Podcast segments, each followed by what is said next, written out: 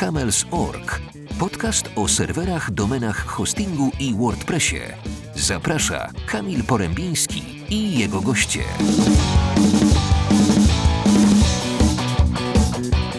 Ile trwa i jak przebiega migracja strony? Bezpłatną migrację na nasz hosting oferujemy od zawsze.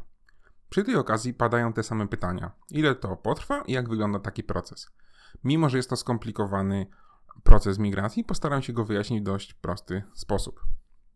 Dlaczego warto migrować? Głównym powodem migracji jest zmiana dostawcy usług hostingowych.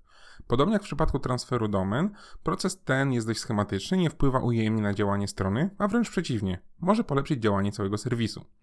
Bardzo częstym powodem migracji jest zaskakująco wysoki rachunek za przedłużenie hostingu, jaki spotyka klienta po roku. Tak naprawdę nie ma w tym nic zaskakującego. Takie są częste praktyki promocyjnych rejestracji domen czy hostingu na pierwszy rok. Kolejnym powodem jest niezadowalająca wydajność obecnego usługodawcy. Warto jednak pamiętać, że bardzo często wydajność działania strony zależy od jej budowy, lub po prostu nasza strona nie nadaje się już na hosting i trzeba pomyśleć o rozwiązaniu typu serwer VPS czy serwer dedykowany. Zmiana hostingu na taki, który wspiera HTTP2, czy domyślnie dodaje bezpłatne certyfikaty na SSL, na pewno zwiększy prędkość ładowania się strony. Tak samo ważne jest, aby hosting wspierał zawsze najnowsze wersje PHP, posiadał sensowną politykę backupu oraz sprawnie działający dział wsparcia. Zatem jak przebiega migracja strony? Proces samego przeniesienia hostingu, migracji strony czy transferu domenu jest dość schematyczny. Po zgłoszeniu chęci do przeniesienia się do nas poczty, strony czy domen, rozpoczyna się proces migracji. Można go opisać punktami. Ustalenie zakresu migracji.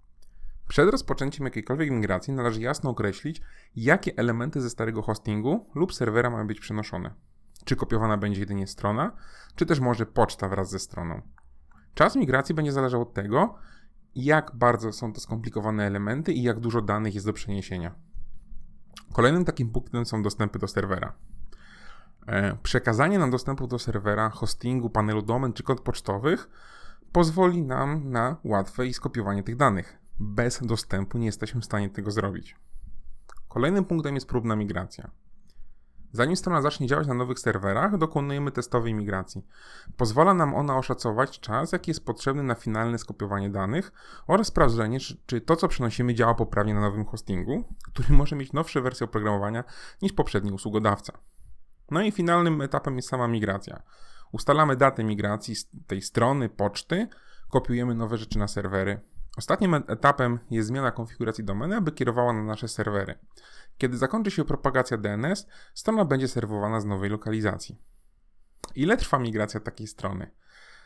Na to pytanie odpowiada pewna anegdota znaleziona gdzieś w sieci. Słuchaj, jesteś administratorem, powiedz dlaczego tak często nieprawidłowo szacujecie czas na migrację strony. Wyobraź sobie, że musisz rozładować ciężarówkę. Ile czasu to zajmie? Parę godzin. To Kamas. 8 godzin. Kamas załadowany piaskiem. 12 godzin. Nie masz łopaty i narzędzi, tylko ręce. 2 dni. Na dworze jest minus 40. 4 dni. Kamas stoi pod wodą. To bez sensu. Ciągle zmieniasz warunki. Po co mi w ogóle opowiadasz takie bajki? Wy administratorzy ciągle opowiadacie jakieś bzdury, zamiast po prostu oszacować czas swojej pracy. Czas migracji strony jest uzależniony od wielu czynników, na których hosting nie ma wpływu. Wiele z tych rzeczy zależy od samego zlecającego migrację. Przykładowe takie blokery to ilość danych do skopiowania. Im więcej danych jest do skopiowania z poprzedniego hostingu, tym czas skopiowania będzie dłuższy dostępy, a raczej ich brak. Bardzo często klienci nie pamiętają lub nie znają dostępów do obecnego serwera i najdłużej trwa zdobycie takich danych.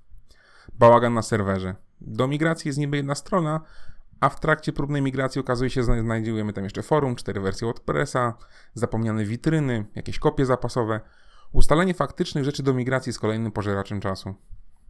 Prędkości serwerów łączy internetowych. Czasami wąskim gardłem jest serwer źródłowy, z którego dane po prostu wolno się kopiują. Tutaj takie migracje potrafią trwać nawet kilka dni. Przestarzałe oprogramowanie. Strona, którą migrujemy, nie była aktualizowana od wieków i po prostu nie działa na naszym hostingu, gdyż używamy najnowszych wersji PHP. Tutaj bez zaktualizowania strony nie da się przeprowadzić takiej migracji. Zatem kiedy najlepiej zgłosić migrację? Zdrowy rozsądek podpowiada, aby nie zostawić tego na ostatnią chwilę. Sam proces migracji może zająć pewien okres czasu, a pamiętaj, że trzeba go jeszcze zaplanować. Sama firma hostingowa musi mieć również na to czas, gdyż migruje i różnych klientów. Zdobycie kodów OutInfo do przeniesienia domen również może zająć sporo czasu, zwłaszcza jak musimy go uzyskać poprzez tradycyjną pocztę.